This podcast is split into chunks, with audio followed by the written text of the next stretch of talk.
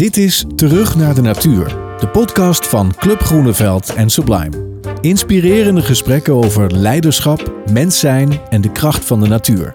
Vandaag een gesprek met Erik van Veluwe, mede-eigenaar van congrescentrum Antropia en Redeoord, social entrepreneur, chef-kok en vooral conceptenbouwer en verhalenverteller. Luister naar een gesprek over de plek waar het leven begint, het verschil tussen het leven beleven en het leven ervaren en de eindeloze zoektocht naar de intelligente eenvoud. Ehm, er zijn wat eh, problemen met de microfoon. Dus we doen het eh, eigenlijk, dit is de allereerste keer, Erik, dat we een, eh, het eh, Terug naar de Natuur eh, de, eh, podcast gesprek doen zittend. Ja. Eh, want de microfoon die wil niet lopen. Eh, nu is dat geen enorme ramp, want eh, nou ja, je was eigenlijk al begonnen, maar ik ga het je gewoon even opnieuw vragen. ja. Kun je even kort eh, uitleggen eh, waar, waar we zitten? Waar wij hier zijn? Ja, we zijn eh, eigenlijk in het midden van Nederland, in Driebergen. Driebergen-Zeist, op landgoed de Reehorst. Vlak aan het station. En daar wordt nu ook flink geheid en er komt een nieuw stationsgebouw, dus dat zijn de achtergrondgeluiden. En als we, eh, we kijken hier achter naar het Iona-gebouw, daar is het congrescentrum, cultuurcongrescentrum Antropia. En als we ons omdraaien, dan zien we de, de bouwplaats van, eh, van de Triolusbank, die een nieuw hoofdkantoor gaat bouwen. Dus we zitten midden tussen activiteiten op een eh, schitterend landgoed, die ooit door eh Bernard Lievergoed is aangekocht. Ja. Als ja, het vertrekpunt, als eh, hoofdkwartier van de, eh, van de antroposofische vrije school. En die hele beweging heeft natuurlijk een hele vlucht genomen. En, eh, Maar wanneer was dat? dat was in de jaren 70 dat hij dit gebouw, eh, eh, de Iona-gebouw, liet bouwen voor, als vrije school. Dat Want hij toen- had zelf een achtergrond in antroposofie. Ja, Eh, klopt. Ja, echt ook gewoon. ehm, nou, als je verder teruggaat dan, dan eh, de beginselen en de ideeën eh, en de uitgangspunten van Rudolf Steiner. Ja, die nam die te harte en daar, daar hoort eh, filosofie eh, bij, maar levensbeschouwelijke ontwikkeling, persoonlijke ontwikkeling. eh, ehm, ja, eigenlijk de activiteiten tussen de aarde en de, en de kosmos en alle energie die daartussen zit. Gewoon gevat in, het, dat hoort bij het mens zijn en het mensbeeld. Dus daar kunnen we niet, niet omheen. Ja, ja, maar kun je, kun je dat omdat ik het Dat gaat meteen de diepte in natuurlijk, Ja, ja, maar- maar, nou, maar, maar tegelijkertijd zijn het eigenlijk ook wel, want alles hangt hiermee samen. Ja. Ben je, ben je, heb je daar eigenlijk zelf, heb je daar zelf een, eh, hoe, hoe, sta je daar zelf? Ja, eh, dat was, eh, dan gaan we terug naar 1997 toen eh, ik ehm, mijn eerste kratje groente kreeg, biologisch dynamische groente van een groenteboer. Dat was toen bij de Woeste Hoeve tussen Arnhem en Apeldoorn. Ehm, en die, eh, die, die groenteboer ging op vakantie. Hij zei, eh, zonder hem weg te gooien, dus die was toen nog met voedselverspilling bezig. Ja. En eh, hier heb je die groente en ehm, ik hoor wel wat je ervan vindt als ik terug ben van vakantie. Nou, twee weken later belt hij op. Joh, wat vond je van de groente? Dus ik zei, nou, ik moet je bekennen, ik eh, eh, ben het vergeten, het stond in de schuur. Dus ik rende met de schaamrood op de kaken naar die schuur. En het zag eruit alsof het net die dag geoogst was. Ik zei, nou, wat is dat nou joh, wat fascinerend. Dus ik heb een afspraak met hem gemaakt. En eh, naar zijn eh, tuinderij gereden, in fase was dat nog, ik weet het nog goed. Want nooit zoveel kuilen in een weg gezien als naar die boerderij toe. En hij liep me, ik zei, nou, waar komt die groente vandaan? Dus hij liep met mij naar de composthoop. Hij zei, want daar begint het leven. Ik denk, nou, die gast is gek geworden, joh. De Dus, eh, ja, ja, precies. Dat is het. Nou, en na vijf kopjes, kopjes groene thee eh, eh, heb ik alles gehoord over Rudolf Steiner en de, en de beweging en de, de zonnewe, alles. Toen dacht ik, nou, die, die man is of gek of geniaal. Maar wat hij vertelde was wel gewoon, we moeten de aarde voeden. En dat we de aarde vitaal houden, kunnen wij daar gewoon gewassen op verbouwen die gewoon ehm, levenskracht hebben. Nou ja, kan ik heel lang verhaal Ja. over vertellen, maar... Ja, eh, ehm, maar hij kwam wel binnen. dat is tenminste, wel- het was- dat is de toen- basis. voor jou was het toen nog of gek of geniaal. ja, ja, en, En- toen eh, ben ik alles van Steiner gaan lezen. Oké, je bent toen echt, dat was echt het beginpunt. Ja, ik denk, als hij dat toch over Steiner heeft en over preparaten, want als we daarover gaan beginnen, denk je, nou, die gast is gewoon een, een broer van Ketweasel, weet je wel. Dat, dat kun je niemand uitleggen. Dus dat is echt gewoon, eh, dat is fascinerend. Maar daar zit wel de essentie van de levenskracht. Hè. Dus de, de aarde is, een, is een, een levend orgaan en die moet je voeden. En preparaten hebben, zeg maar, dat overgenomen, die moet je ook gewoon, ja, Wat, wat is een preparaat? nou, een preparaat is eigenlijk een, een, een, een hulpstof die, die, eh, die je gebruikt om de aarde te activeren. eh, en ook meteen de plant te activeren. Dus je hebt hulpstof voor planten. Dus Zover nu kunstmest gebruiken helaas, Ja. eh, gebruikt, gebruik je in de biologische dynamische landbouw preparaten. Dus preparaten van eh, koehoorns of van kamillen, mest. Eh, Kort, het zijn verschillende preparaten. Het zijn Ja. zeven soorten. Ja. En die gebruik je specifiek om ehm, een plant zeg maar, af te rijpen of, of te doen groeien. Ja. En dat in relatie met de kosmos. ja. Nou, en dan- wat betekent dat? ja, nou, het makkelijkste voorbeeld is, ehm, iedereen die ligt nu aan het strand Ja. En die zien eb en vloed en vinden dat heel normaal. Ja. En we snappen niet dat dat te maken heeft met de wenteling van de aarde en de aantrekkingskracht van de zon en de maan. Eh, maar als het volle maan is, dan voelen we ook gewoon, dan slapen we slecht, doet de hond eh, onrustig of de kat of je vriendin of allemaal tegelijk. En dat- dat vinden we ook normaal. Maar dat, dan dus, dus het dichtste bij dat je kunt uitleggen van zo'n volle maan doet iets met je. Weet je heb daar, zijn, daar is wel degelijk een invloed Ja. van eh, hoe de planeten eh, staan of hoe eh, de verhouding is tussen, Ja. nou ja, wat er tussen de aarde en het universum gebeurt. En het allerslapste aftreksel vinden we natuurlijk gewoon in de bijlage van de Telegraaf, weet je, op je horoscoop te lezen. En toch vinden we dat fascinerend, want het is ongrijpbaar en toch vinden we dat wel mooi. Ja. Ook al weten we dat het natuurlijk gewoon dat het op alle eh, stier, ram, weet je wel, iedereen vindt daar iets in Ja. voor zichzelf. En toch precies. vinden we dat mooi. Nou, ga je dat echt serieus wetenschappelijk onderzoeken, dan vind je de Wageningse wetenschap vindt zich niet heel erg in die principes van Rudolf Steiner en de antroposofie. Maar als je denkt, goh, de plantjes die wij, die wij eten, die wij kopen, ehm, dat moet levenskracht zijn. En dat zijn ze vaak gewoon niet. Dat is gewoon een krop sla. Ik heb toevallig bij eh, een grote, grote zaak met een heel grote letter I. eh, die verkopen ook tuinplantjes. Ja. eh, vijf slaplantjes gekocht. Want ik denk, nou heb ik vast in het vroege voorjaar gewoon mijn eerste sla. En daarna ben ik gaan zaaien. Nou, die kropjes sla die ik gekocht heb, eentje ervan heb ik laten staan. Ik denk, kijken of die zaad gaat schieten, of die doorgroeit, doorschiet. Die blijft gewoon een krop sla. Dat is gewoon één groen monument. Eén groene grafzerk is dat eigenlijk. Het is een beetje zoals je een, een bos bloemen thuis zet. Ik bedoel, je kijkt naar stervende, sterven, dus je- stervend leven. Ja, ja, stervensbegeleiding is dat. Ja. En eh, die krop sla die ik kocht, ik koop dan mijn zaaigoed natuurlijk biologisch of biodynamisch. En dat, dat kropje sla groeit een keer door. Ja. Want die denkt, oké jongens, het is nu te droog, ik krijg te weinig water. Dus ik ga doorschieten, ik ga zaad zetten. En dat zaad is dan weer zorgt voor nakomelingen. Dat is leven, dat, Ja. is, dat is gewoon levenskracht en dat moet je eten. Ja. Maar die, dat, dat, dat groene grafzerkje daar, eh, dat, dat, dat, dat is groen en dat zal vast vitamine C hebben en zo. Ja. Maar eigenlijk is dat niks, doet dat niks met je. Ja. En dat, is, dat vind ik zo fascinerend. Ja. En aan de andere kant is dat zo echt eh, ja, eh, moeilijk uit te leggen aan iemand die denkt... Hé hey, gast, doe eens even normaal joh. Dat, Nou, ik, ik wou net zeggen, want ik kan me voorstellen dat toen je in 97, nou, nu durf je het als het ware te zeggen. Nee, maar ik kan me voorstellen dat het 20 jaar geleden, eh, nu word je waarschijnlijk nog steeds af en toe vreemd aangekeken, maar 20 jaar geleden we- we- kwam de rug waarschijnlijk. Ja, nee, want eh, in 97 kreeg ik eh, ehm, toevallig de aandacht van eh, Felix Wilbrink van de Telegraaf toen nog. Hele pagina met ehm, biologisch koken aan de Veluwezoom. Ik weet de titel niet meer precies, maar het stond er in chocoladeletters op. En toen ging de telefoon. Eh, want ik vertelde in dat artikel dat ik dacht, joh, goh, eh, we moeten af van de massa. Dit restaurant hier op die plek moet zich onderscheiden. ja. Eh, hoe doe je dat? Door met seizoenen mee te gaan, met de natuur mee te meten, de, de cadans van de natuur te volgen. Dus echt de seizoenen in de streek. En, en ja, eh, biologisch, want dat is het dichtste bij de natuur. Dat is weer terug naar die intelligente eenvoud. Voor de kunstmestrevolutie. en toen, eh, dat artikel was hartstikke leuk, mooie foto's erbij. Toen was ik nog jong en aantrekkelijk, heel lang geleden ooit. Had ik ook nog haar. en toen ging de telefoon met annuleringen. Want die, associeerden, die mensen associeerden biologisch koken met sojabrokken wellen en eh, lauw water en pastinaken en schorseneren. En dat was ook zo. dus dat, want ik vertelde over die, die man met die, met die groentes en ik was natuurlijk wel om. Ik denk, wauw, dat verhaal. En die groentes waren zo vitaal. Ja. En eh, sommige gewassen kende ik niet. Hè, want ik noemde de pastinaken en de schorseneer. Die lagen toen niet bij de Ik wou net zeggen, dat was de vergeten groente voordat ze- we wisten dat ze vergeten waren. Juist, klopt. Ja. Ja, En eh, ik zei, ik ga bij jou afnemen. En toen was het oktober en toen kreeg ik inderdaad eh, groentes, pastinaken, schorseneren, wortels, aardpeer. ehm, allemaal groentes die gewoon één kleur hadden. Ton sur ton, zou een bloemist zeggen. Ik dacht, ja, wat doe je daarmee? Dus toen dacht ik, ja Erik, eigenlijk is dat normaal. Want in oktober hebben we misschien nog wat tomaten. De laatste paprika's, maar dan ga je wel richting groen. Dan Ja. ging je natuurlijk richting eh cardoen, eh, richting... eh, ehm, nou ja, Cavolonero, hè, de palmkool, de boerenkool, preien, weet je wel. Ik zit uh, hoofdschuddend Ja. tegenover hem. Maar... Ja. En dat was toen, toen ik, ja, maar dit is het. Nou, wat kun je dan doen als kok? Of je koopt de rest bij. Ik verscheur mijn menukaart. En ik, ik maak een open keuken, zet een pot bouillon op. Eigenlijk is het gewoon weer koken. Zoals ze in Frankrijk nog steeds doen en in Italië en in Spanje. Ja. Gewoon naar terra madre. Gewoon, dit is het jongens. Dit, dit levert de aarde jou. Ja, ja. precies. Dit levert de aarde en dit is het seizoen. Daar heb je mee te dealen. Ja. En dat maakt je creatief. Want daarna ging ik poffertjes van knolselderij maken. En ik ging eh, eh, eh, mijn pastinaken roosteren op de barbecue.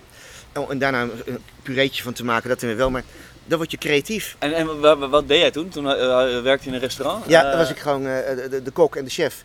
En eh, dat was wel fascinerend. en, eh, maar dit mocht jij, mocht, mocht jij toen je eigen Ja. of was jij ook deels eh, eindverantwoordelijk? Eh, ik Dus- was eindverantwoordelijk. Dus dat en, dan. ja, dat scheelt ook wel. Dus dat scheelt. Ja. In de zin van dat je, ja, weet je, als, zolang de gasten dat mooi vinden. Dus je moet Ja. als kok weer aan tafel. Om te vertellen wat je hebt. En waar heb je zin in? Hoe voel je? Bla bla bla. En, en- dan heb je zin in vlees, vis. Want dit hebben we. Ja. Hè, de vangst van de dag. Of Ja. we hebben de, het wild uit het seizoen. Of we hebben het, het, de, de, de koe. En daar hebben we die delen van. En ja, sorry mevrouw. Er zit niet alleen maar biefstuk aan. Eh, ehm, ja, daarna werd bavet hip en eh, longhaas en zo. Dus was, in die tijd was het te vroeg. Maar dan ben je te vroeg. Oké, dus het, want de, de- inderdaad, je merkte dat daar niet heel veel eh, animo voor was. Nee, want mensen willen gewoon, als je uit eten ging, dan was het carpaccio en zwezerik en gamba's. En dat is nog steeds helaas zo. Ja. Ehm, maar dit was iets te apostolisch voor die tijd. En wat gebeurde er dan? Nou ja, mensen, je moest wel veel uitleggen. Ja, precies. Maar heb je het vol kunnen houden op die Ja, manier? Of heb, ja, je, ja. heb je toch weer op je eh, schreden terug moeten Nee, komen? dat wel. Ik, ik ben het wel gewoon. eh, eh, daarna kwam het ministerie met een campagne. eh, biologisch eigenlijk heel logisch. Dat was in 98. Oké. hebben we met vijf koks kunnen doen en ook campagne gevoerd. echt om biologisch te boosten, want dat was gewoon zoals we het moesten doen. Nou ja, maar biologisch is natuurlijk niet de waarheid, het is een onderdeel van de waarheid, hè? Dus- of van de werkelijkheid, zeg maar. Ja. Eh, De principes biologisch, zoals we hier op Antropia ook doen. Het is, ja, het is biologisch geteeld, want geen residuen, eh, eh, we kunnen niet discussiëren over voedingswaarde. Dat is niet, niet aantoonbaar, maar wel als ik praat over levenskracht en vitaliteit. Ja, dat, dat zit wel in die, in die producten. En dat proberen we gewoon uit te dragen. Dus, ehm, en dat werkt. Dat vinden mensen mooi. Want je bent eigenlijk ben je ook veel meer, want ik kan me voorstellen, dus 20 jaar geleden ben je, ben je je publiek of je, je klant of hoe je dat wil noemen, je gasten, ben je ook deels aan het, aan het onderwijzen in zekere Ja, zin. ja. Ehm, en wat je zegt, en dat is natuurlijk ook lastig in een, maatschappij die wel eh, eist dat alles wa Wageningswetenschappelijk hè. Ja. We zijn ook opgegroeid in een wereld waarin, en, en deels terecht natuurlijk, want de, de wetenschap heeft daarin natuurlijk Ja. eh, een enorme kracht. Ehm, maar wat, wat, wat je ook zegt is, ehm, misschien net zoals dat je, het duurzaamheidsdebat, het is, een, het, is een, het is een verhaal eigenlijk wat je vertelt. Je gaat ook veel meer in een soort, je gaat jezelf weer onderdeel doen voelen van, eh, van nou ja, je bent wat je eet, zeg maar. Ja, ja, en als je niet weet wat je eet, hoe weet je dan wie je bent? Eh, Dus dat is gewoon. ehm, als je eenmaal weet, kun je nooit meer niet weten. We Mm. weten allemaal, eh, maar helaas kiezen we met onze portemonnee. We weten allemaal dat die plofkip is misschien qua CO2-uitstoot hartstikke vriendelijk. Want die leeft kort, er gaat weinig voer in. eh, eh, en tegen die tijd dat die beest weet dat hij ellendig leven heeft, is die al dood. Dan hebben we hem al op ons eh, keurige eh, matje in de koeling liggen. En dan Ja. heb je twee blanke kipfiletjes Ja. die zieloos zijn. Ook voor jou, want het voegt niks toe. Het voegt wer- werkelijk geen waarde toe. We weten allemaal dat was een, een avondje bankhangen met pizza, cola en chips. Vinden we dat heel chill en toch voel je je niet lekker. Nee, want dat voegt ook niks toe. Ja. Gewoon vluchtige koolhydraten en vluchtig vermaak van anderhalf uur film. Dus dat is het, niet meer dan dat. Ja. Nou, je kunt ook doorslaan, maar goed, eh, ik ben een, positief of naïef ingesteld typeje. Dus eh, moet, er moet wel bij gelachen worden. Dus alleen maar met, met, met mensen even nutchen, dat, dan, dan beklijft het ook veel meer. Je hangt geen, eh, geen bord boven de deur bij Antropia of jongens, gij zult. Nee, wees welkom. Weet je wel, we hebben goede koffie, ja, die is biologisch. We hebben gewoon een lekker lunchbuffet. Ja, er zitten allemaal mooie frisse salades in en alles deugt. We kunnen gewoon de keuken opengooien, jongens, dit is het. Je krijgt eerlijk eten. Lokaal en biologisch geteeld. Ja. En we hopen dat het lekker smaakt. Onze koks hebben hun best gedaan. Nou, dat is, meer kun je niet doen. En voor de rest hebben we een verhaal over duurzaamheid van de meubeltjes en dit. En de ledverlichting. Dat is eigenlijk vanzelfs- vanzelfsprekend wat je thuis ook doet. Want wat vertel anders, kun je heel vertellen van tussen eh, dus eh 98 toen je Ja. zeg maar de, de, de, de, de weirdo was eh, die het over biologisch Ja. dynamisch durfde te hebben Ja. en, en zeg maar tot, tot hier bent Ja, ja gekomen? eh, dat is van een leuke, leuke rode draad. Want er kwamen een keer eh, eh, een, een paar mensen. Die hadden toen nog een, eh, eh, een, een, een club ehm, eh, met, met eh, HRM. kortom, dat was de Ewijksgroep toen, later Conclusion. Die kwamen bij de Woesthoeven vergaderen. En, En dat Woesthoeven is? tussen Arnhem en Apeldoorn, het restaurant waar ik, waar ik startte in 97. En ehm er waren natuurlijk eh, 50 kippen in een hok, die moesten allemaal elkaar leren kennen weer. En leuk, en hoe gaat het? En een sales pitch en zo van de directeur. En toen dacht ik, ja, potjandor, ik sta de hele dag in de keuken, ik wil iets vertellen over het eten. Dus ik sprong op de bar. En letterlijk met een pan en een pollepel. Ja, joehoe, mag ik even vijf minuten aandacht? Of, ehm, eh, dit heb ik gekookt vandaag, dit is het seizoen. En als jullie denken, joh, goh, eh, eh, wat, wat ruikt hier? Hier verderop in de kamer staat een kaasaltaar met 50 soorten kaas. Dus geniet daar vooral ook van. En heb een hele leuke dag. We hebben mooie wijnen. En ik sta hier in de keuken en ik ga voor jullie aan de slag. Ja. En heb een leuke avond. Die dachten, nou, Erik Alles was de beste man. Die, die dacht, wat een rare gast is dat. Maar dat is wel blijven hangen. Dus ze kwamen nog een keer en nog een keer. En de, de club werd groter. En toen eh, ehm, hadden zij een mooie plek eh, eh, gevonden om ja, als kantoor, als inspiratieplek voor hun medewerkers. Het bedrijf groeide. En dat was Redehoort. En toen belde die op goh, ehm, we hebben eigenlijk wel iemand zoals jou hier nodig. Want het was een beetje teleurgang. Het was, het zat, ik, had, ik heet van Veluwe, ik woon op de Veluwe. En ik had nooit van de steeg gehoord, waar Redehoort aan ligt. Ik moet toch eens kijken. En ik heb me uiteindelijk laten overhalen. En toen kon het verhaal weer van, van, van vooraf aan beginnen. Van, goh jongens, ga je je gasten, ook de bruiloftsgasten en de vergadergasten, biologisch vlees voorschotelen. Dat is niet per se supermals of zo, maar wel gewoon verantwoord. Dat heeft wel een jaar geduurd voordat het bij iedereen tussen de oren zat. Hè? Ja. En, ehm, Wacht even, want Rederoord is, is, is, moet ik zien als een, als een, als een groot, eh, eh, ja, wat is het? Een, eh, het, was, het is een groot landhuis, ja, conferentiecentrum, eh, bruiloften. Ja. Dat hebben we toen eh, mogen opstarten. Ehm, heb ik vijf jaar met heel veel lol gedaan en heel hard werken. En toen wist ik ook niet dat er eh, acht dagen in een, in een, in een week zaten en 30 uur op dag. Want je was parkbeheerder en je was eh, sales en schoonmaak. En eh, we hadden drie soorten water toen, warm, koud en uit het plafond. Dus daar moest nog wel wat gebeuren. Ja, ja. Nou, ja, en, en jij kreeg ook echt de verantwoordelijkheid om dat, om dat, om dat te laten gebeuren. Ja, ja, ja, ja, ja, ja. Daar heb ik nog eens eh, flashbacks van. Maar eh, dat, is wel gewoon, dat was echt een groot avontuur. En het is nu een fantastisch eh, landgoed. En, ehm, En daar begon je ook direct met, met die filosofie. Want Ja, ja, daar, daar stapte je niet meer vanaf. ik geloofde daar echt in. En het was soms wel een, een harde battle van jongens. jongens, die entrecote, eh, dat. Kijk, biologisch vlees, dat is of van een hele mooie duurzame koe. Van een vleesras, maar kan ook zijn van een dubbeldoelkoe van oude melkkoeien uit Oostenrijk. Die allemaal gecertificeerd zijn. Dus Ja. op Redoord ben ik nog meer eh, gaan kijken biologisch, maar ook lokaal. En ook uit de buurt. En ook van een, van... Dus wij zijn op zoek gegaan naar, naar lokale helden. Nou, die hebben we nog steeds. Eh, we hebben de, de, de, bakker die bakt biologisch brood eh, voor, voor, voor Redoord daar. Vlees van een slager uit de buurt die weet waar het vandaan komt. Groenten van, van iemand uit de buurt. Ehm, kortom, het is meer storytelling aan het worden. Want mensen willen toen en nu steeds meer eh, gewoon beleving. Deugt Ja. het? Waar komt het vandaan? Heeft het eten een verhaal? En dan voel je aan een lange tafel in Italië dat je denkt van, dit klopt allemaal. Terwijl de maffia daar geboren is natuurlijk, dus je weet het niet zeker, maar het gevoel geeft je het wel. En dat is ook wat waard, hè? Dus Ja. dat, zonder te liegen moet je, wel, moet je het verhaal mooi maken en dan denken, maar eigenlijk is het logisch. Ja, ja, ik wou zeggen, The Godfather is een heel prachtig verhaal, maar Ja. je wil er niet in lezen. Maar... Nee, maar een salade caprese met mozzarella, tomaat en eh, eh, eh, olijfolie, citroensap en peper, daar word je toch gelukkig van. En het is niet meer dan een, een waar, waanzinnige mooie tomaat. Ja. Goede, echte buffelmozzarella. Ja. Heerlijke groene olijfolie. Dat je denkt, wauw, wat een geloof. Daar daar word je er toch blij van. Ja. Dan, ben- dan, is, dan, mag je, dan kun je gewoon rustig sterven. Ja, een glaasje wijn erbij eerst nog. Maar, sneller, ja. ja. En dan is het, dan, maar het leven is eenvoudig. Het wordt complex gemaakt door ja, ons allemaal. En we zien het iedere dag om ons heen. Hè? De politiek, je collega's, er moet wat. Je moet weer vergaderen. Er moet zoveel. Ja. Maar het is allemaal keeping up appearances. Hè? Het echte leven is zitten in die intelligente eenvoud. En dat vind ik, is voor mij nog steeds een strijd. Want, wa- ja, op welke manier? Nou, ik, ik laat me ook gewoon verleiden door de supermarkt bij mij om de hoek. Ja. Koop ik ook weer meuk met een merkje. Ja. Weet je wel? Terwijl ik ook gewoon kan zeggen, joh, die olijfolie koop ik toch daar. Ja.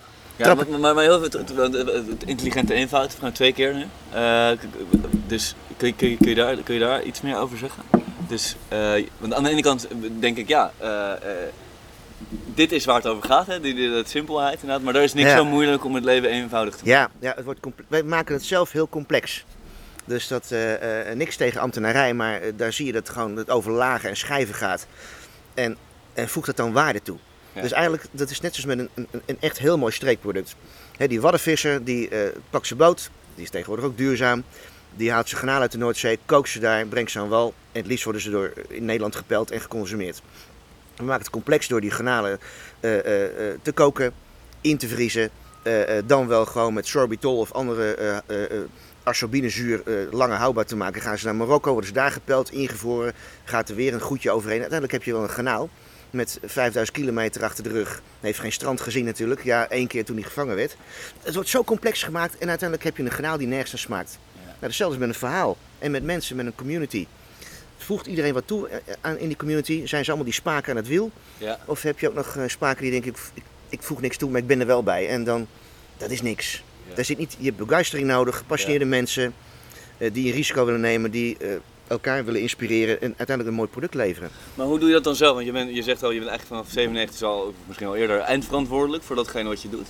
Eh, dat betekent ook dat jij, als je dit jouw, jouw eh, filosofie is, intelligente eenvoud, dat, dat jij ook de verantwoordelijkheid hebt of de kans hebt Ja. om het zo in te kleden. Ja, ja, ja. en dat is best, eh, eh, ehm, dat is bijna dagelijks werk. Het is net zoals thuis, dus dat gaat, het begint er bij thuis. Wat eet je?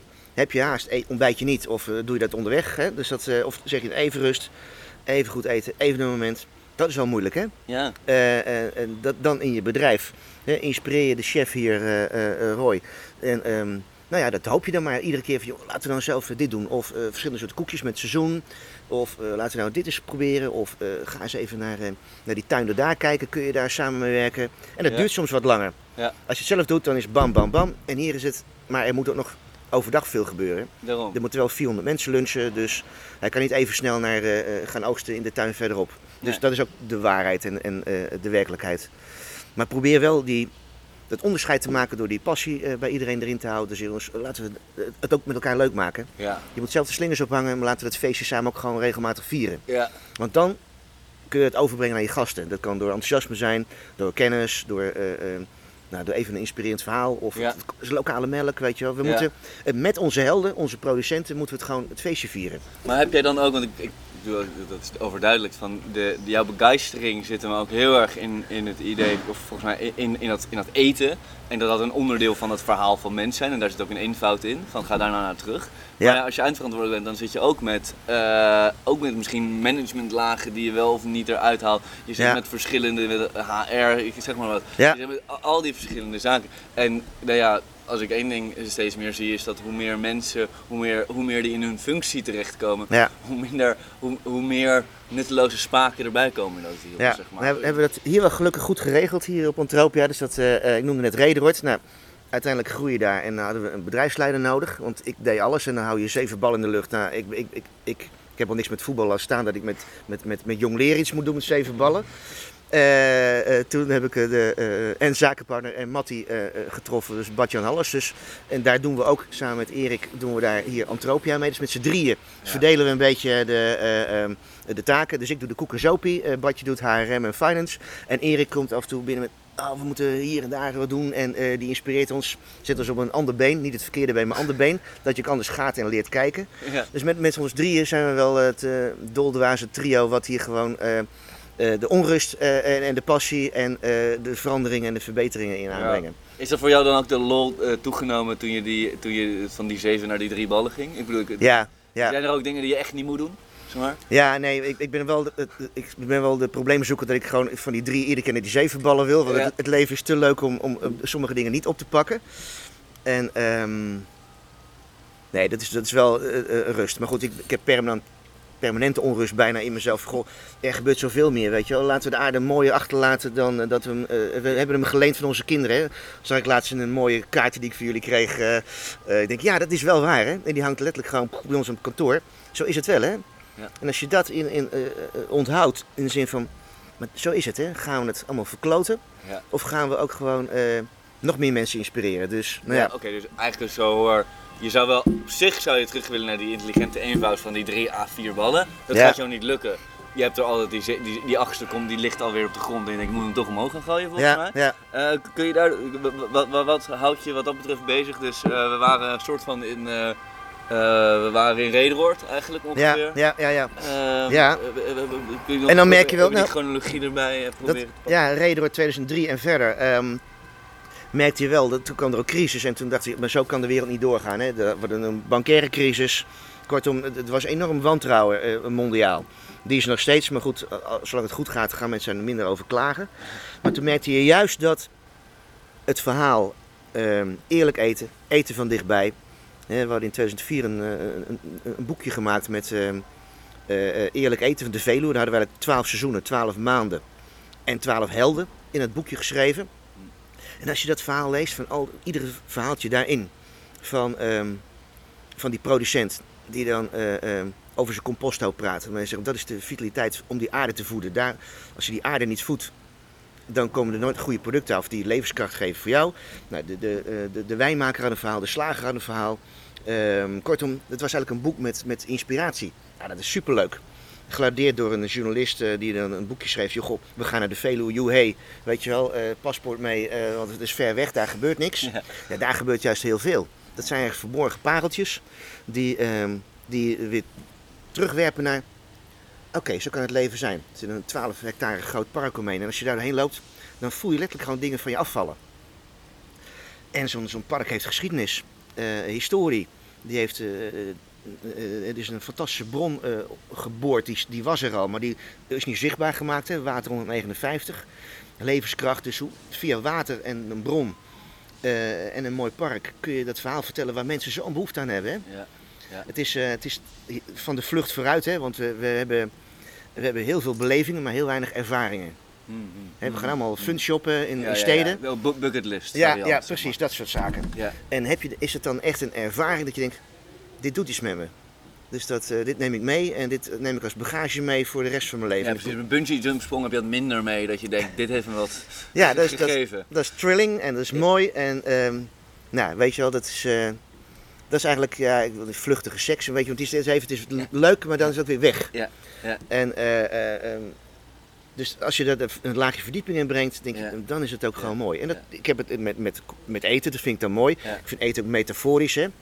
Hè ik zei, als je bent wat je eet, weet je wel. Dus dat, eh, eh, hè, een boer is eigenlijk ook meer een docent, hè. Die moet gewoon, die zaait letterlijk. En daar komt iets fantastisch uit, hè. Dus die echte sla, niet die dode, dode grafzerk, maar echte sla, echt eten. Ja. En dan voedt het jou ook echt, weet je wel. Ja. En ehm, Ja. nou, een arts moet zeggen, goh, wat, wat ben je? Ben je wat je eet, hè? Dus eh, je hebt een kwaaltje, wat komt dat van je voedsel? Ja. Van, ben je gestrest? Doe je heel veel dingen? Moet je veel? En dan is eten ook gewoon, ook gewoon een soort van rustmoment. Een moment dat je- als, als je echt eten hebt, dan is dat ook gewoon een wow-effect. Maar je kan hem ook breder trekken, want dat vind ik wel interessant bij als je het hebt over een arts. En volgens mij is de Nederlandse eh, geneeskunde eh, eh, vrij goed. En tegelijkertijd als je bij een arts komt, is, lijkt het ook symptomatisch voor wat jij benoemt. Want dat is vaak weer wat is de kwaal. Zeg maar, oh, en dan plakken we daar een pleister op en dan kunnen we Ja. weer door. Maar daar heeft bijna nooit een arts gevraagd, wat eet je? Nee, nee als je de driehoek neemt, arts, docent en boer, dan eh, moet een docent is eigenlijk eh, ehm, de boer. Die moet kennis zaaien, die moet mensen nieuwsgierig maken, die moet eh, uitdaging. Kinderen die gewoon zitten uit een boekje, ze moeten geprikkeld worden. Dus, en zo'n boer is eigenlijk de dokter, die geeft gewoon gezonde voeding, weet je wel. En die dokter wordt eigenlijk de docent van, wat ben je nou eigenlijk een beetje aan het doen, weet je wel, met je leven. Dus dat is, eh, eh, en als je hem zo draait, Ja. wordt, het, wordt, wordt die driehoek in één keer anders, hè. Ja, dus dat, is een beetje, volgens mij is dat meer de Oosterse manier ook eh, van bekijken van, heb je dat de, de dokter wordt betaald als je beter wordt, Ja, zeg maar. ja, ja. En, dus daar zit een hele andere manier, een heler is het eigenlijk. Ja. Zo zorgen dat je, dat je, dat je gezond bent. Ja. Van daaruit, Ja, maar als je ziet die hele discussie rondom obesitas, type te- eh, 1, 2, weet je wel, mellitus. Dat kun je met voeding gewoon genezen. Dat kan gewoon. Dat is bewezen, letterlijk bewezen. En toch zie je nog obese mensen, vette mensen. En dat zie je maar groeien.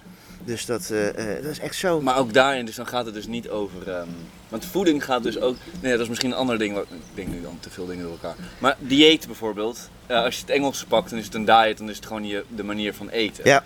Ehm, maar een dieet op zich is natuurlijk, daar gaat iets fout. Want dan blijkbaar zit je niet in een ehm, levensstijl eh, die gezond voor je is, die voedend is, die iets toevoegt. Ja. Ehm, daar zit het ook weer helemaal in. Dat, dat als je op die manier naar voeding gaat kijken als iets wat, eh, wat, wat je moet minderen om gezonder te worden, volgens mij gaat er, klopt daar iets helemaal niet. Nee, nee, nee, goed. We, we eten natuurlijk sowieso raar, hè. Want we zijn, we zijn gaan domesticeren, we zijn ons gaan settelen, we zijn eh, eh, hekken om koeien heen gaan plaatsen, we zijn kippen in een mand aan het gooien. We zijn, natuurlijk, we zijn melk gaan drinken, wat, wat allemaal onzinnig is. En die Joris Driepinten maffia moeten we ook gewoon eens een keer aanklagen. en ik denk als alle boeren één dag stoppen met leveren aan, aan de melkmafia, dus kijk wat er dan gebeurt.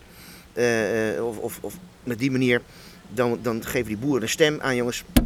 Waarom krijg ik maar een paar cent voor die, voor die broccoli terwijl die hem voor een euro of twee euro verkopen? Waar, waar zit de winst? Hè? Dus waarde toevoegen betekent ook dat de winst daar moet zijn, daar waar die gemaakt wordt. Dus de boer moet een goede prijs krijgen. Melkveehouders kunnen voor 5 cent per liter meer gewoon biologisch gaan boeren. Dat kan wel. Het wordt alleen kunstmatig in stand gehouden dat ze dat niet willen. Het kan- het Maar dat niet- is wel degelijk, is wel degelijk dat systeem zoals nu. Het is niet volhoudbaar. Het is niet volhoudbaar op de lange termijn. En toch gebruiken we 4.1 aarde en eh, hebben we er maar één en doen we nog steeds hartstikke goed. Wij zijn in Nederlanders super effectief om heel veel voedsel op een vierkante meter te produceren. Dat is bijna onmogelijk. Ja. En toch exporteren we net zoveel kippenvlees dat we het importeren. Net zoveel lamsvlees dat we importeren. Ja. Daar moeten we mee stoppen met die nodeloze ehm, stroom van, van vervoer. Ja. Wat geen waarde toevoegt. Dus lokaal geproduceerd, even los van het woord streekproduct. Dan hou je je omgeving schoon. Eat your future. Hè? We willen niet van die groene grafvelden waar alleen maar monocultuur Nee. op staat. We willen gewoon biodiversiteit. Dat er vogeltjes in zitten, dat er, dat er bijen en, en insecten daar zijn. En dat, dat is mooi naar te kijken. Ja. Want we vinden het fantastisch in Frankrijk en Spanje en Italië. Oh, wat is dat mooi. En hier, en dan drinken we overdag een glas wijn en is het leven fantastisch. Oh, we willen nooit meer weg. Ja. En hier in Nederland drinken we eh, een glas melk met de lunch. Twee boterhammen en een appeltje, dat is het dan weer. Dan gaan we weer door naar ons sobere leefstijl, want de vakantie is voorbij. Nu doen we weer normaal. Dat is toch raar? Dan zitten we onnatuurlijk gewoon ons oude gedrag weer op te pakken. Ja. Ja. En, de- en dan hangen we weer voor de televisie. Wat een armoede eigenlijk, hè? We zijn zo rijk en we zijn geestelijk zo arm en uitgehold. Ik vind het eigenlijk sneu, hè? Leef het leven. Dus dat, eh, doe het wel met, met, met gezond verstand. Ja. Maar wat je, waar je het over hebt is een, is een eh, cultureel fenomeen eh, dan wel probleem. Uiteindelijk heb je het, nou ja, je bent een verhalenverteller. Eh, dan, moet je, dan moet je eigenlijk wat je vertelt. Wij leven nu in een verhaal van eh, een glas melk, twee bruine boterhammen met kaas. Eh, en af en toe mogen we uit dat verhaal stappen. En dan stappen we in een, in een, in een sprookje. En dan zijn we in Frankrijk. Ja. En we denken dat dat verhaal wat we hier leven, dat dat nou eenmaal is wat het is. Eigenlijk zeg jij, kap met dit, met dit onzinnige verhaal. Ja, wat is een verhaal die ons voorgelegd wordt en die, die we zelf zijn gaan geloven. En dat is gewoon heel raar, hè? Dus dat, ehm, ehm, nou, ik heb, ik maak me best druk over voeding en gezondheid, zeker als het om kinderen betreft. Ehm, ik kan je vertellen dat wij een avontuur zijn aangegaan, anderhalf jaar, samen met een, met een biologische bakker uit Zutphen, driekant. Ook een, een, een eh, Henk Smit, ook een verhalenverteller en een denker en een visionair. We zijn helaas na anderhalf jaar zijn we onze goede snackbar, biologische catering, zijn we moeten stoppen. Want nou, een goede snackbar is natuurlijk gewoon, dat, dat appelleert aan een snackbar. Want je gaat niet zeggen de gezonde keuken voor kinderen. Want die denken, ja, sodemieter op moet ik thuis ook al.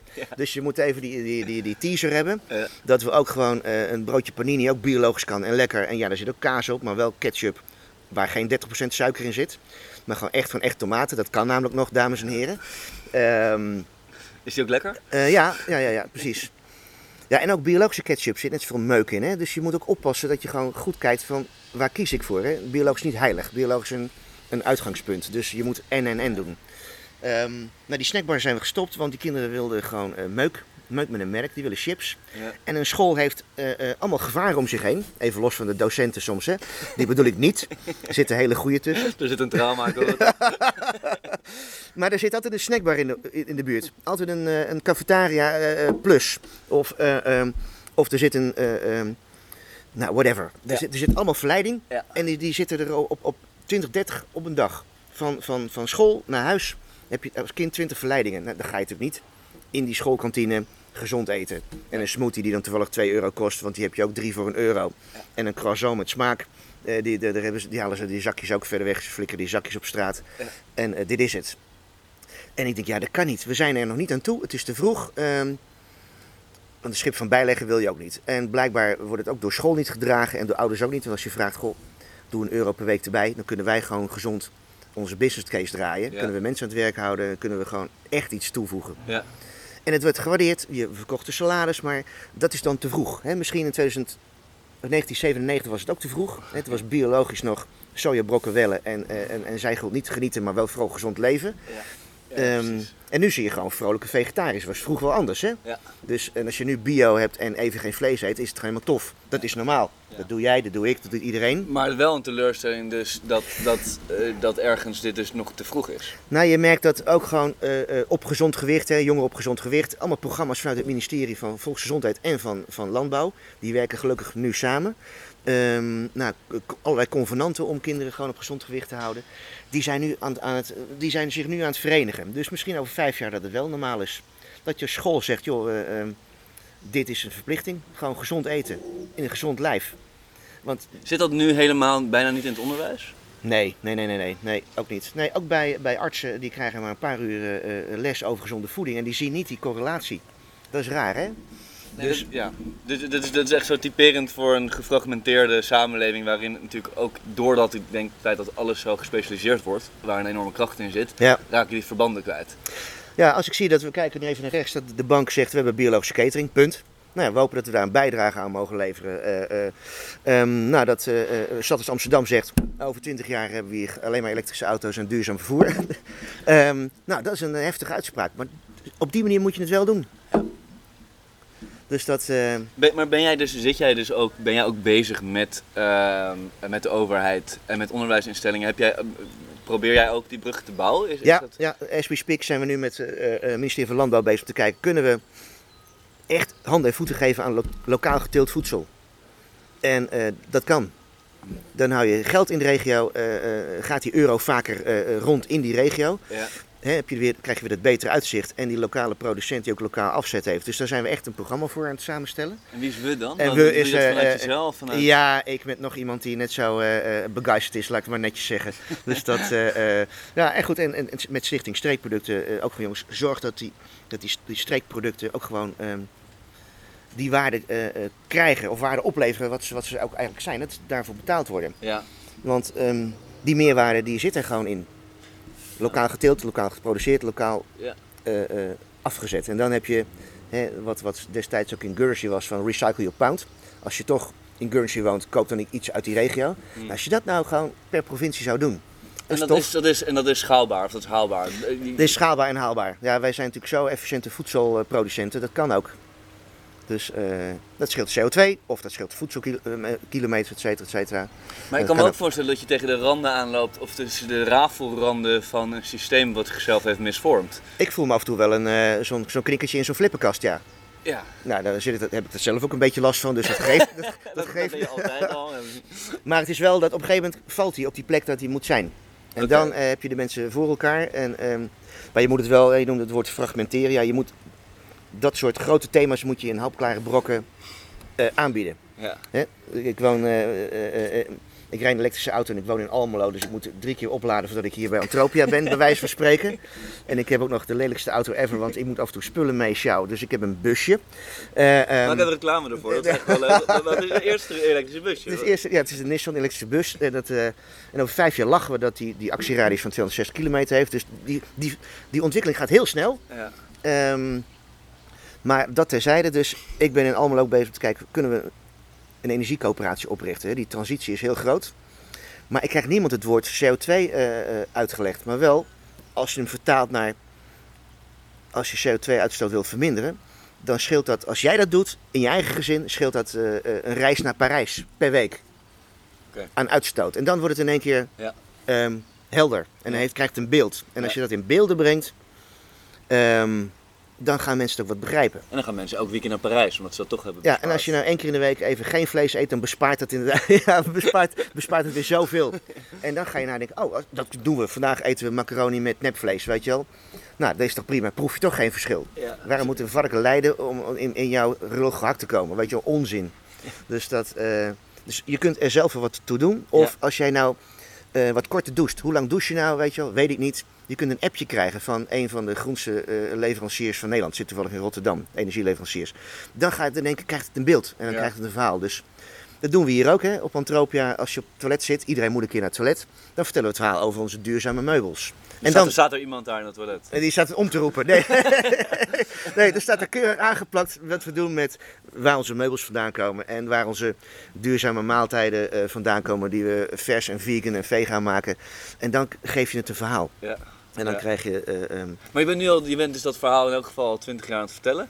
Heb je er nu meer lol in dan 20 jaar geleden? Of maakt het niet veel uit? Ik kan me voorstellen dat het iets meer aanslaat. Of dat er meer Ehm, eh, oogjes open gaan. ja, ja, het is nu, eh, als ik zie wat, waar ik toen mee bezig was en waar- nu, dan eh, het beklijft nu. We weten allemaal dat, het, dat we iets moeten doen. En die verantwoordelijkheid ligt nu ook meer bij eh, de consument, bij de community, bij een buurt, bij een wijk, bij gemeentes en bij een provincie en uiteindelijk ook gewoon de overheid. En ja, eigenlijk bij Europa en de wereld. Ja. Want in Nederland moeten we van het gas af en in Duitsland krijg je 57 euro subsidie als je je aansluit op het gas.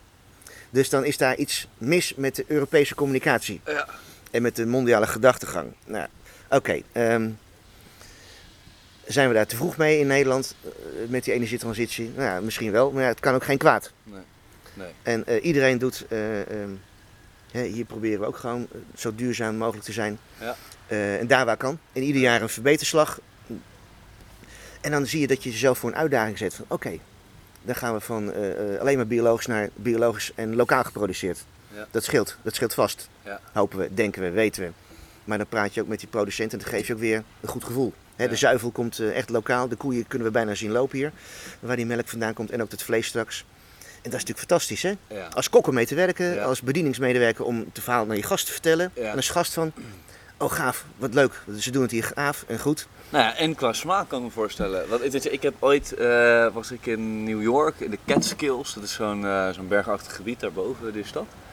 En toen eh, was ik te gast bij iemand en die had daar zijn eigen boerderij gebouwd. Maar die had dus zijn eigen varkens en zijn eigen kassen. En, en ik at daar nou, aardappels, maar vlees. En, en dat, Ja. voor mijn gevoel was dat de eerste keer dat ik proefde hoe sla Ja, En, en, en ik, en ik, zat, ik, ik at dat en ik zei tegen hem, ja, dit, is, hoe kan dit? En, en toen was het gewoon de hele simpele antwoord. Was, ja, als je 200 kilometer verder in New York zit, dan eh, heb jij in elk geval vlees wat 200 kilometer heeft afgelegd, maar veel meer vaak. eh, twee dagen in vries heeft gelegen. Dit is drie uur geleden is dit, eh, is dit Ja. gemaakt. En weet je, als ik het nu zo op mezelf voor vertellen, denk ik, ja, hè, hè, tuurlijk is dat zo. Maar omdat het was zo'n andere ervaring van dit is dus vers. En dit heeft dus 15 meter gereisd. En eh, die Ja. smaak is gewoon, je weet, niet wat, je weet gewoon niet wat je meemaakt. Want het is een totaal andere ervaring. Ja. ik heb zelf ook een eh, moestuin. En ik heb gisteren eh, de eerste aardappels geoogst. En ge- eh, eh, geplukt. En mijn vrouw heeft ge- geen groene vingers. Had ze niet, maar nu begint het te komen. En oh, wat leuk die paarse pultjes. Maar die zijn een beetje taai. Nee schat, dat zijn kapucijners.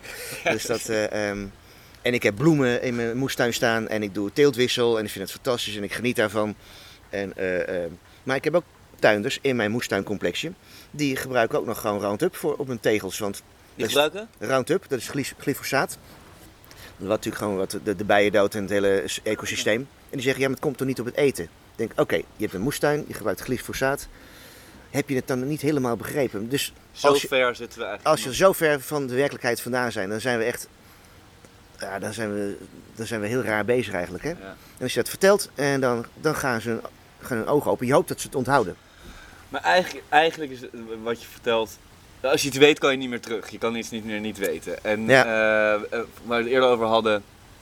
Je kan iets meemaken, zullen maar zeggen. Ja. En dat kan je prima vergeten. Maar als je iets ervaart, dan, dan, Ja. dan is het lastig om die ervaring kwijt te raken. Dus eigenlijk wat je zegt is de hele tijd. Als mensen ervaren wat voedsel is, want eigenlijk gaat het daarover, wat het echt is en wat het kan doen en welk onderdeel het is, dan voed je als het ware mensen op vanuit die ervaring. En dan ga je, dan, dan ga je ook niet meer terug. Dan zal je altijd anders blijven kijken naar, Ja. naar, naar eten en naar wat je doet. Ja, die ervaring eh, eh, eh, in Parijs bij Walt Disney is fantastisch. Het kost een vermogen. We staan daar uren in de rij. En dan hebben we er allemaal voor over. Je kunt die uren ook nog terugkopen. Je kunt betalen om minder lang in de rij te staan. Dan denk je, oké, als je dat doet, dan ben je geestelijk redelijk infantiel, denk ik. De- maar dat is, een, dat is een game en dat, daar zitten we in. We zitten Ja. letterlijk in zo'n game. We eten prefab voedsel, we worden vermaakt op de juiste plekken. Het is allemaal bedacht. Is er bier, zijn er pofjes, is er limonade? Kun je op de foto? kortom, je kunt je reis verlengen. Je, dat kan allemaal. En we laten ons die paar dagen meedrijven. En die kinderen helemaal hyper van alle suiker. Jezelf helemaal stress en je bent 3000 euro armer. Dat is geen ervaring, dat is een beleving. En dat is fantastisch en dat is helemaal leuk als je daarvan houdt. Maar de ervaring zit hem werkelijk in. Ja, het is eigenlijk meer een, een compositie. Hè? Het is meer een. ehm, voetballen en, en, en, en, en opera horen heel erg dicht bij elkaar. Je hebt spelers, iedereen heeft zijn rol. Er is een cast, er zijn heel veel mensen achter de schermen bezig. Je weet niet hoe het spel zal eindigen. Ja, tenzij je misschien eh, Ajax Almelo hebt of zo. Ik weet niet hoe dat werkt, Heracles. Ik, ik hoop dat ze een keer winnen van Ajax, dat zou mooi zijn. Maar ehm, het, het, het blijft spannend. En eh, iedereen heeft zijn eigen rol. En, dat is, dat- en dan is het, en met elkaar moet je het doen. Ja. Dus, dat is, eh, dus we, als we naar voetbal kijken, zien we eigenlijk hoe het leven ook zou kunnen. Je moet elkaar de bal toespelen, je moet elkaar wat gunnen. Ja. Iemand strijkt er met de eer op, maar je, met, met elkaar ben je een team. Ja. Nou, als je dat in je gezin doet en je gezin wordt een buurt Dat je, dat je niet over elkaar praat, maar met elkaar. Dan is die klojo van een buurman toch in één keer een, een, een toffe gast die even pech gehad heeft. Of, eh, of juist succes, whatever, dat kan allemaal. En zijn straat gaat leven. Ja.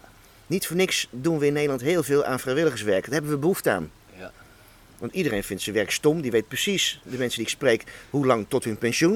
En als je daarmee bezig bent, dan ben je toch wel, stop dan nu. Ja. Met wat dan ook. Weet je wel, dat is raar. ja. Het is niet nodig. Nee. En dat is eigenlijk het mooie leven. Bel elkaar eens aan, joh, laten we een buurtbarbecue doen. Of doen we iets moois. Of laten we elkaar iets gunnen. En eh, Maar is dit dan, is dit dan wel, want ik ben heel benieuwd ook twee dingen, maar misschien. Hoe is jouw verhaal groter geworden dus vanaf, eh, dus sinds wanneer is dit jouw verhaal? Is dit, was jij als, als kind al, zat je in een soort, in een silo en dacht, eh, ik, ik volgens mij hebben we sociaal contact nodig en, een, Ja. en, en, en, en goed eten. Eh, is het ontstaan bij, oh, het begin bij eten, toen gezien, wacht even, een, een eten zorgt voor gemeenschap. Want je bent nu eigenlijk bezig met het bouwen van een verhaal voor een toekomst, eigenlijk voor een maatschappij. Als ik het eigenlijk, heel veel je hebt een visie daarop. het is natuur. Ik ben echt is opgegroeid in de natuur. Ja, dat was mooi. Dat, fantastisch. En eh, hoe fascinerend dat is. En dan vergeet je dat even. In de puberteit heb je daar natuurlijk helemaal geen boodschap aan. En eh, eh, heb, je, heb je andere natuurdriften en instincten. En, dat- en nu ik eh, 50 plus ben, is natuur weer belangrijk. En is een moestuin weer inspirerend en fascinerend. En dan merk je dat mensen daar behoefte aan hebben. Eh, een verhaal over natuur. Even, die willen verwonderen en verbazen. Ja. En dan willen ze even in meegenomen worden. En, eh, want niemand heeft een hekel aan, aan natuur. Ja, Nee. Misschien in je achtertuin en dan gaan, ze, gaan we hem betegelen. Eh, en dan zit je gewoon 6 graden warmer op je terras in je tuin. Hoe dom ben je dan? Ja. De grasveld is 6, kilo, 6 graden koeler. Ja. En die kun je ook gewoon automatisch laten maaien. Dus, maar dat is allemaal te veel gedoe. We, willen, willen, we zijn vermijdbaar gedrag aan het vertonen. Dat doen we ook met natuur. Dat doen we met social communities. Dus het is eigenlijk mensen bij elkaar brengen. Want, want jij vertelde, jij, het is natuur. Ja, Eh, ehm, eh, en dat vergeet je dan. Maar waarom is het dan natuur? Ehm, nou, natuur is, is natuurlijk een aangehakt landschap. Hè. Dat wordt beheerst door, door allerlei eh, machten en krachten. En, ehm, maar in de natuur zie je gewoon... neem het verschil tussen wat ik, ik, ik ervaar heb. Ik ben in Hoogsoeren bij Apeldoorn opgegroeid, kroondomeinen. En dan merkte je dat die, die kracht van die bomen was zo sterk. En eigenlijk die kroon van die boom zit net zo groot als de, als de wortelvorming ongeveer. Hè. Dan wel de diepte en dan wel de breedte in. En ik merkte dat ik, in, als ik in de natuur was, ging ik nadenken. Ik was vaak alleen. Ehm, en toen merkte je dat die hè, de energie en de kracht van, van die energie van bomen, die komt bij je. Dit ervaarde Die, jij die kom je, komt in jou. En als dan, kind. ja, en dan, dan, dan zie je het verschil ook tussen kijken en zien. We kijken de natuur, maar als je niks ziet, dan, eh, dan, heeft, dan, dan, dan is het eigenlijk ook leeg. Er Dan, dan is het weer een beleving in plaats van een ervaring. Maar als je je openstelt en die natuur die maakt het eigenlijk in je los. Dan, eh, dan krijg je dat omslagpunt. De ene krijgt het op zijn honderdste, de andere op zijn tweede, de ander krijgt het nooit, de ander krijgt, op ieder, eh, krijgt wel een keer dat. Ja. Maar je gaat eigenlijk met je hoofd naar beneden. Je, gaat, je wordt eigenlijk klein en je wordt geraakt door wat de natuur met je doet. Die gaat nadenken over de zin van het leven of over iets wat je nog moet doen. Die gaat nadenken. En dat heb je heel anders dan bij een strand. Een strand moet je in één keer je schoen uitdoen en je trekt kleren uit. En bij sommigen denk ik, hou dat alsjeblieft aan. Maar dan hebben we een totaal bevrijdend gevoel. Want die zee is de vrijheid, het is de openheid, het is het onzichtbare. Je ziet de kromming van, van, eh, van de aardbol. Ja. En dat is dat totale ontwapening. Ja. Dus Ja. dat, en dan maakt Ja. het niet uit dat we naast elkaar liggen te spek, speklap rollen, weet je wel. En eh, dat, in één keer verdragen we dat. Ja. Dat is fascinerend. Hè? Ja, niet lang, maar een dagje Nee, kun je dat wel aan. En toch, iedereen is blij en we gaan kastelen bouwen en sommigen gaan hele grote gaten graven. Eh, We gaan in één keer creatief zijn en doen. En in een bos is- Spelen. spelen, ja, en met elkaar. En, dat. en in het bos heb je contemplatie, nadenken. Maar dit eh, ervaar jij dus ook echt. Dus Ja, maar iedereen je- denk ik wel. Ja, ik denk het ook, maar ik denk dat denk bijvoorbeeld dat eh, niet iedereen gaat daar vervolgens zijn verhaal van maken. Nee, Dus- en, en moet dat? Nou, misschien ook niet. Nee, Ehm, en, en moet je mensen daarop attenderen? Soms wel, soms niet.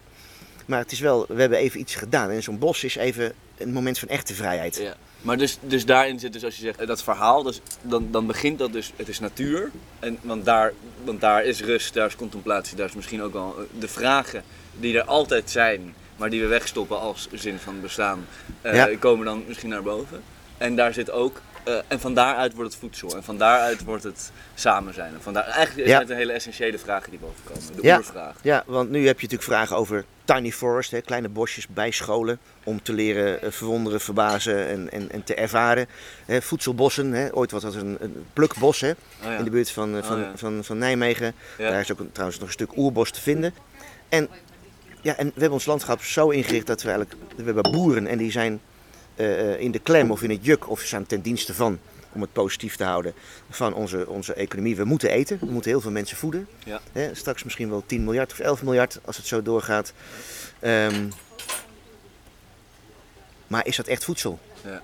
Weet je wel, is Ja. het vullen of voeden? Ja. Eh, ehm, en daar zit een kentering ook. En die vraag moeten we onszelf echt gaan stellen. Ja, want misschien als, om, om, om dat ook af te maken. Want kijk, we zitten eigenlijk op een, op een punt nu dat de meeste mensen die een beetje, eh, beetje de oogklappen af hebben, die zien wel van oké, als we op deze manier, dat is niet ideaal. Ja. En dat gaat gewoon hartstikke fout. Heb jij ook een beeld bij als je, als je met de overheid praat? Hoe ziet, de, hoe ziet de, de samenleving daar in Erik van Veluwe's eh, visie? Eh, gewoon even lekker los. Ja. Gewoon, oké, wat is nou, wat, wat is nou de, de, de... Laten we gewoon een utopie bouwen. Ja. Nou, de utopie zou kunnen zijn: ehm, kunnen we die 10 miljard mensen eh, monden voeden? Ehm, ik denk dat er namelijk eh, er is een klimaatcrisis. Eh, eh, die is gecorreleerd aan voedselcrisis en aan macht. En je ziet dat als mensen, ehm, als het volk zeg maar te weinig te eten heeft, dan krijg je onrust. En eh, ehm, dan zie je dat, dat een, een- overheid, we praten natuurlijk over Midden-Oosten en, en, Zuid-Amerika, Zuid-Afrika, misschien ook wel over Am- Noord-Amerika, waar mensen onheimisch zijn, eh, eh, ontevreden, te weinig te eten hebben, geen toekomst. Dan gaan ze muiten. Dan, dat, dat uit zich in eh, een dictatoriale overheid. Dat uit zich in dat mensen meer kinderen gaan krijgen omdat ze denken, dan, dan, dan kunnen die straks voor mij zorgen. Dat is, dat is de vlucht vooruit. En je ziet dat als je gewoon daar waar volkeren en landen het beter hebben, dat het aantal kinderen ook terugneemt. Ja. En ik denk dat we iedereen tevreden houden in hun eigen regio met stabiel politiek, economisch klimaat.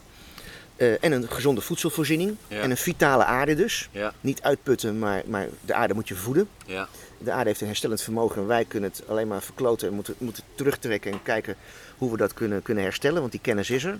Nu nog de wil. Dan eh, gaan we die 10 miljard mensen misschien eens halen en dan kan de aarde zich herstellen. En dan kunnen we een gezonde voedselproductie hebben voor iedereen. Voldoende te eten voor iedereen. Ehm, En lokaler? Dus, even, dus ook, Ja. op, op, op, ook op, op, op het verhaal van Ja. eh, welk, in welk verhaal zou de mens moeten leven? dan wordt het er weer lokaal geteeld zoals het vroeger was. Hè? Ja. Echt voor de kunstmestencrisis, want die gingen we dus echt gewoon invoeren om heel veel te kunnen produceren. Ja, En dat hebben we eigenlijk zo. We hebben niet gedacht, van, laten we even dat even doen. En dat- we dan weer teruggaan naar wisselteelt. Naar normale eh, vitale aarde. ja, Eh, geen verschraalde grond. Geen armoede, geen kropjes groene, groene graven van sla, maar echt voedsel wat leeft. ja. Wat je ook vul- vult en voedt. Ja, dat, daar zijn we ver van. Maar ik denk wel dat die volhoudbaarheid, die, eh, dat we er wel snappen dat, dat we die grens echt overschreden zijn al. Dat hebben we misschien al gedaan met klimaat. Dat hebben we misschien al gedaan met 30 kinderen in een klas. Dat moet weer terug. Misschien gaan we weer terug naar dat mensen durven te zeggen waar het echt op staat. Nou, dan is het misschien een, een stukje politieke lef. Zou wel heel erg mooi zijn. ja. Een po- politiek die dus ook met een verhaal komt eh, dat breder is dan het managen van een land. Ik denk dat heel Den Haag vol zit met supporters aan de, aan de kantlijn van een voetbalwedstrijd. we schreeuwen hard. En als we winnen, hebben we het gedaan. Ja. En als ze verliezen, hebben zij het gedaan. Ja, dat kan niet meer. Nee. We zijn met elkaar een eenheid. En laten we dat ook gewoon uitstralen. Want we wilden niet regeren, de VVD wilde beslist niet met, met die rode rakkers van de PvdA. De PvdA wilde beslist niet met, met Rutte. En nu regeren ze samen. En kan dat? Of is dat ondanks of dankzij? Dus laten we die grote woorden nou eens omzetten in, in daadkrachtig beleid. Dus ja, Amsterdam kan over 20 jaar elektrische auto's. Is dat elite? Nee, dat kan. Heb je een auto nodig. Dat is ook de vraag. En die moeten we onszelf stellen. En de pol- politiek moet faciliteren in ja, het kan. Mits gezond, duurzaam, groen, betrouwbaar. Ondertussen stroomt het eh, terras vol. Want Ja, het schijnt dat één ding is waar je niet aan ontkomt, gelukkig is eten. ja. Eh, intelligente uh, fout daarin is fijn. Uh, misschien ook om het af te ronden, tenzij jij nog zelf iets hebt van oh, dat wil ik nog even vermelden. Nee, ik denk dat als je praat, het begint met eten en we gaan zo lekker lunchen en dan, dan, aan jou om te zeggen of dat ook gewoon zo waar is wat ik allemaal vertel. Ja, liefde gaat door de maag, dus dat is, nou, dat is ook leuk. Je ziet ook dat het kan ook. Hè? Het is alleen... Ehm, uh, ja, ik praat maar door, is vreselijk. We zijn natuurlijk gewoon van jager-verzamelaar, zijn we natuurlijk gewoon domesticeren. We zijn uh, dieren ongewenst gedrag aan het, aan, het, aan, het, aan, het, aan het laten vertonen. En uh, we moeten melk drinken, het hoeft helemaal niet, het past niet bij ons. On, ondertussen onze hoektanden in, in, decennia tijd zijn die aan het slinken, want die, die snijtanden hebben we niet meer nodig. We zijn aan het, aan het herkauwen, letterlijk en figuurlijk, prefab voedsel, wat, wat niet tot vreugde leidt. Um, waarom wil ik dat zeggen, is dat... Um, het is mogelijk om gewoon gezond, lokaal, eerlijk te eten. Um, als we het zelf willen zien. En we jagen uh, uh, nu in een supermarkt met 20.000 artikelen en meer. En we worden allemaal verleid tot dingen te kopen die, die bij ons passen. Maar als je echt zegt, wat, wat past nou bij je? Welk voedsel word ik blij van? En, um, en je dat realiseert, en, en dat voedsel geeft signaal af. Ik, ik, ik, spreek bij Sublime af en toe iets in. Voor het weekend. En dan heb ik het over asperges. En asperges hebben een functie. Waarom zijn asperges in het jaar zo vroeg? Uh, die hebben een afwaterende functie. Iedereen die asperges eet weet, hé, hey, dat ruik je aan je urine. Ja. Fantastisch, dat is goed, want asperges hebben een reinigende werking. Afwateren, al het vuil moet eruit, al het gif. Ja. Dat is eigenlijk je gratis detox. Aardbeien doen het net zo. Van aardbeien krijg je geen puistjes, beste mensen. Aardbeien hebben een reinigende werking. Die halen het vet uit je huid, uit je poriën. Dus eet vooral aardbeien. Smeer ze in je gezicht, weet je wel. Dan heb je echt een, weer een baby, letterlijk een babyface. Komkommers doen het ook. Die verkoelen je huid en geven rust. Wel een biologisch dynamische komkommer met vitale kracht. En als je gewoon kijkt en luistert naar jezelf en durft het eens even. Desnoods op het toilet, dat is toch de meeste, meest rustgevende plekje in huis of eigenlijk. In. Of in een bos mag ook, hè? dat is misschien wel beter aan te bevelen. Dan kom je weer tot jezelf en dan merk je wel dat je die oerinstinct en die oerdrift en die oerintelligentie gewoon echt niet kwijt bent. Hè? dan, krijg je hem weer terug. Dan weet je ook wat je. Dus wat je zegt is, dan hoef je niet eindeloos op internet af te struinen, maar je weet dan ook wel wat goed voor je is. In de natuur gaan, al is het maar vijf minuten, zo'n bos praat tegen je. Het is bewezen dat al kijk je naar natuur, al is het maar een plakplaatje in je kantoor van een boom, dan leef je een jaar langer, weet je wel. Dan liefst een echte boom planten. Dus vraag dat je werkgever, plant hem aan, zet hem, al is het maar een Sansevieria, je, ook goed. Groen uh, uh, vertelt het verhaal van het leven. Als laatste, want die zegt eigenlijk, als je luistert dan weet je best wel wat goed voor je is. We weten het allemaal hè. We hebben allemaal excuses om het niet te doen hè. Ja precies. Dus dat, uh, um, maar iedereen wordt blij van iets heel eenvoudigs. Maar je kan ook in de supermarkt rondlopen en daar de spullen kopen die voor jou goed zijn. Uh, moet je goed zoeken, die zijn er, uh, absoluut. Maar we hebben nog steeds een markt in uh, iedere zaterdag, iedere donderdag. En een producent zit altijd in de buurt. En geloof me, bij een echte boer, een echte kaasmaker, kaas kopen ze altijd nog goedkoper dan die prefab voorgesneden plakken uit de supermarkt. Ja, nee, dus je raadt wel degelijk aan om één stapje misschien verder te zetten. Ja, en het hoeft niet alles. Hè? Als je zegt ik hou van vlees, dan moet je dat vooral doen. Of je zegt ik hou van groenten, neem een groenteabonnement of ga naar die boer. er zijn uh, lokale telers, lokale teelorganisaties die ook bezorgen. Of ga een, een keer naartoe. Ja. En dat ene aardbeidje zelf geplukt uit die pot of uit die emmer op je balkon. Ja. Dat, maakt je, dat geeft zoveel vreugde. Dat, dat, Daar kan geen fles champagne tegenop, hè? Ja.